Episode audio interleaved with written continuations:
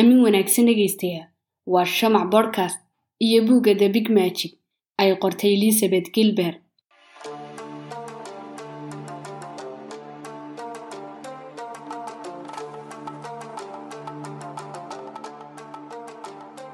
elizabeth gilber oo ah saxafiyadii qore amerikaana ayaa qortay buugga the big magic sanadku markuu ahaa lowdkii lix iyo tobankii.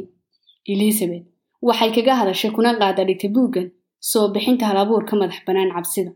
Sidoo kale wakhtigeedii dhalaannimo iyo siday ugu dhiiratay wax qorista waxay isla sidoo kale ku xusaysaa buuggan waxbarashadeedii iyo inaanay qoraalka shahaado heer saraa ka qaadan.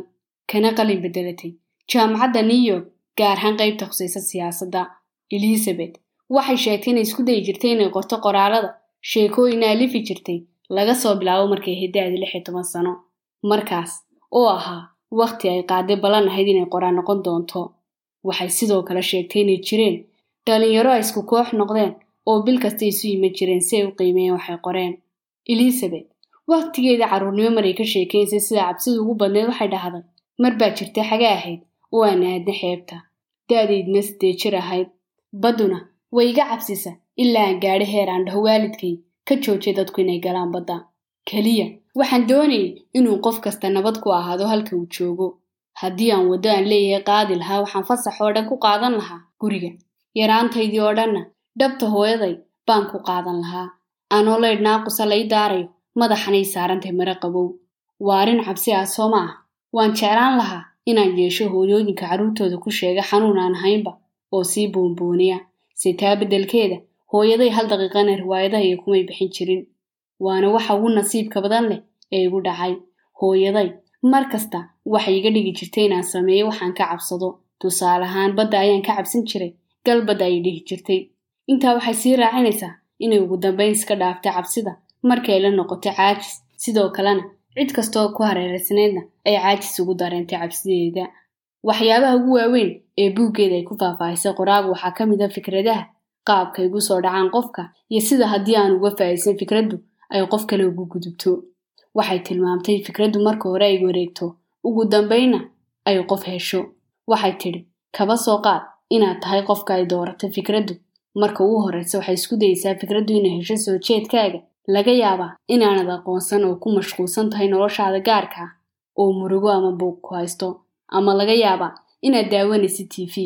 Maalintaad aqoonsatid fikraddaas waxaad haysataa laba doorasho oo inaad haa dhahdid oo ka faa'iidaysatid iyo inaad maya dhahdi oo ay qof kale u gudubto sidoo kale mar ay ka sheekayso qoraagu sheeko ka soo martay fikrad ay ka faa'iidaysigae dayacday waxay dhahday sheekadaydu waxay ka bilaabantay sanadku markuu ahaa labadikii lixdii taas oo ahayd wakhtigii aan shaaciyey buuggayga eid bray an love waxaan isweydiinayay tallaabadeyda xigta waxay noqonayso waxaan ka fekerayay inaan dib u bilaabo qorista sheekooyinka malaawaalka taas oo aanan qorin sannadaha balse waxaan ka cabsaday in qorista malaawaalku ay noqotay luqada aan hadda ku hadli karin si hadda waxaan helay fikrad taasoo iga farxisay. Fikrad waxay ku salaysnayd sheeko uu iiga sheekeeyey filib hal habeen taasoo ku saabsanayd arrin ka dhacday baraaziil ku sagaal boqol lixdaneeyadii oo ahayd xiliyadii uu halkaa ku koreeyey dowladda baraaziil ayaa go'aansatay inay waddo weyn ka dhisto kaymaha amazon lacago badan oo la isku geeyey iyo ay ku deeqeen waaxda horumarinta bulshada ee caalamiga ah baa loo qoondayay kubilaabisteeda qaybo ka mid a lacagtaas waa la musuq se markii dambe in ku filan baa loo helay si mashruucii waddada loo bilaabo. Wax kasta si wanaagsan bay u socdeen bilo yar qaybo ka mid a waddadiina waa la dhameeyey. Sidoo kale kayntii waa la qabsaday. Dabadeedna roob baa bilaabmay. Waxay u muuqatay in kuwa qorshaha mashruuca dejiyaanu midna xaqiiqada ka warahayn. Waxay uga dhigantay xilliyada roobabku kaymaha amasoon kuwii dhisay may haysan doorasho kale oo aan hayn inay carraan iyagoo qalabkooda biyaha ugaga tegaya markay ku soo noqdeen bilo badan kadibna waxay ogaadeen sida roobkii u baabiyey mashruucii waddada dadaalkoodii oo dhan waxaa baabiyey dabeecadda sida inaan shaqaalaha iyo waddada midkoodna jirin. Xataa may sheegi karay meesha ay hawsha ka wadeen? Dhammaan. Qalabkoodii oo dhanna waa la waayey cidna may xadin se waa la liqay. Markii filib iiga sheekeeyey sheekada gaar ahaan qaybta kayntu liqaysa mashiinada waxaan dareem xanuun iyo dawakhaad waxaan dareem sida inaan jacayl ku dhacyo oo kale ama u yimi wardigniinahay horaan khibrad uga haysta calaamadaha isla markiiba waan ogaa waxa dhacaya. Waa waxaad dareemaysid marka fikradi kugu soo dhacdo. Kadib markuu ii sheegay filib sheekada waxaan go'aansaday inaan bilaabo sheekana ka sameeyo. Waxaan u doortay inay geesiyadda sheekadaydu noqoto gabadh ameerikaana kuna jirta da'aadda dhexe laguna magacaabo ifleyn ifleyn waa gabadh shan iyo labaatan sano ku soo shaqaynaysay xoghayn shirkad weyn oo dhista waddooyinka. Maamulaha shirkadda ifleyn ka shaqayso wuxuu dhalay wiil hansare leh wuxuuna maqlayaa wiilkiisu in baraaziil laga dhisi doono keymaheeda waddo. Wiilkuna aabbihii wuxuu ku qancinayaa inay shirkaddiisu halkaa ka dhisto. Wiilkii wuxuu aadayaa baraaziil isagoo wataa xaddi lacaga oo aad u badan. Wiilkiiyo lacagtiiba waa la waayayaa aabbihii wuxuu bilaabaya inuu ifleyn ku dhaho aad amasoon si wiilkii lacagta maqan bay u soo celiso. Ifleyn waxay aadi doontaa baraaziil iyadoo geli doonta duni waali wareer iyo rabshada.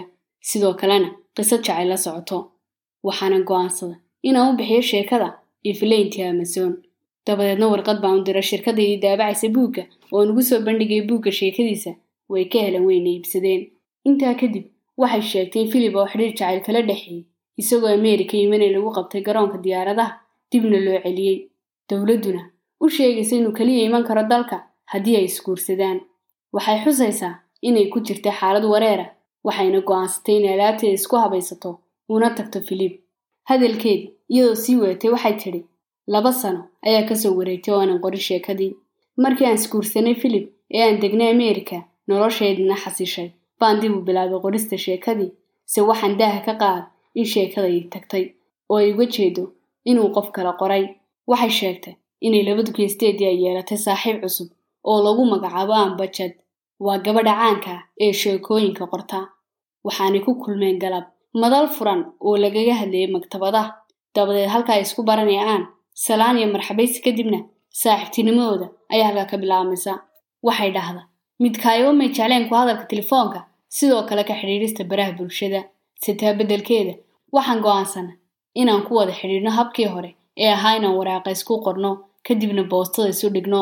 Waxaanan wada xidhiidri jirnay si billa ah.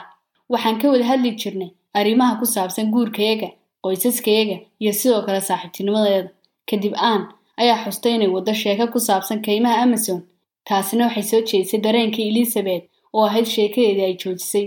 Waxay u ballameen si foolka foola waana markii labaad ay kulmaan halkaas oo ay faahfaahinta sheekooyinka iska wareysteen. Elizabeth baa lagu dhahay ku horree maadaama adigu horraysay waxayna ka sheekaysay sheekadeedii iyadoo guudmar ah aan waxay daqiiqad ku dhowaad eegtay elizabeth kadibna waxay ku tidhi miyaad ila kaftamaysaa waxayna bilowday inay iyana ka sheekayso sheekadeedii. Waa laba qiso oo isku mid ah. Kuna kala duwan uun. In elizabeth ay khusaysay shirkad waddooyinka dhista halka aan ay khusaysay shirkad dawooyinka ah. Intaa waxay raacisay qoraagu inaysan ahayn keliyata wax si isugu beegmay si ay tahay inay fikraddeedii ka wareegtay markii ay ka faa'iidaysan weyday waxay sidoo kale tilmaamtay in haddii sheekadaas ahaan lahayd tii u horraysay ay qortay ay ku niyad jabi lahayd.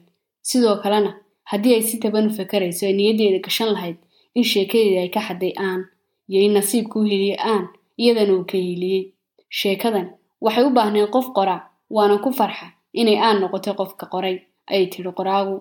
Qaybaha xiga waxay aada ugu sharxaysaa qoraagu inuu qofku aamino naftiisa isagu wax isbaro mar kasta. Sidoo kale waxay xustay in qoraannimada markay tahay dadka wax baahiya ay baahiyaan keliyata qoraalada uga yimaada dadka ay garanayaan. Qofkuna wuu baahanya inuu sameeyo halgan si uu rumeeyo rajooyinkiisa. Ugu dambayn waxyaabaha ugu muhiimsan ee qoraaga ku xustay buugga waxaa ka mid ah in fikradaha laga faa'iisto iyo in loo samro ka dhabeyntooda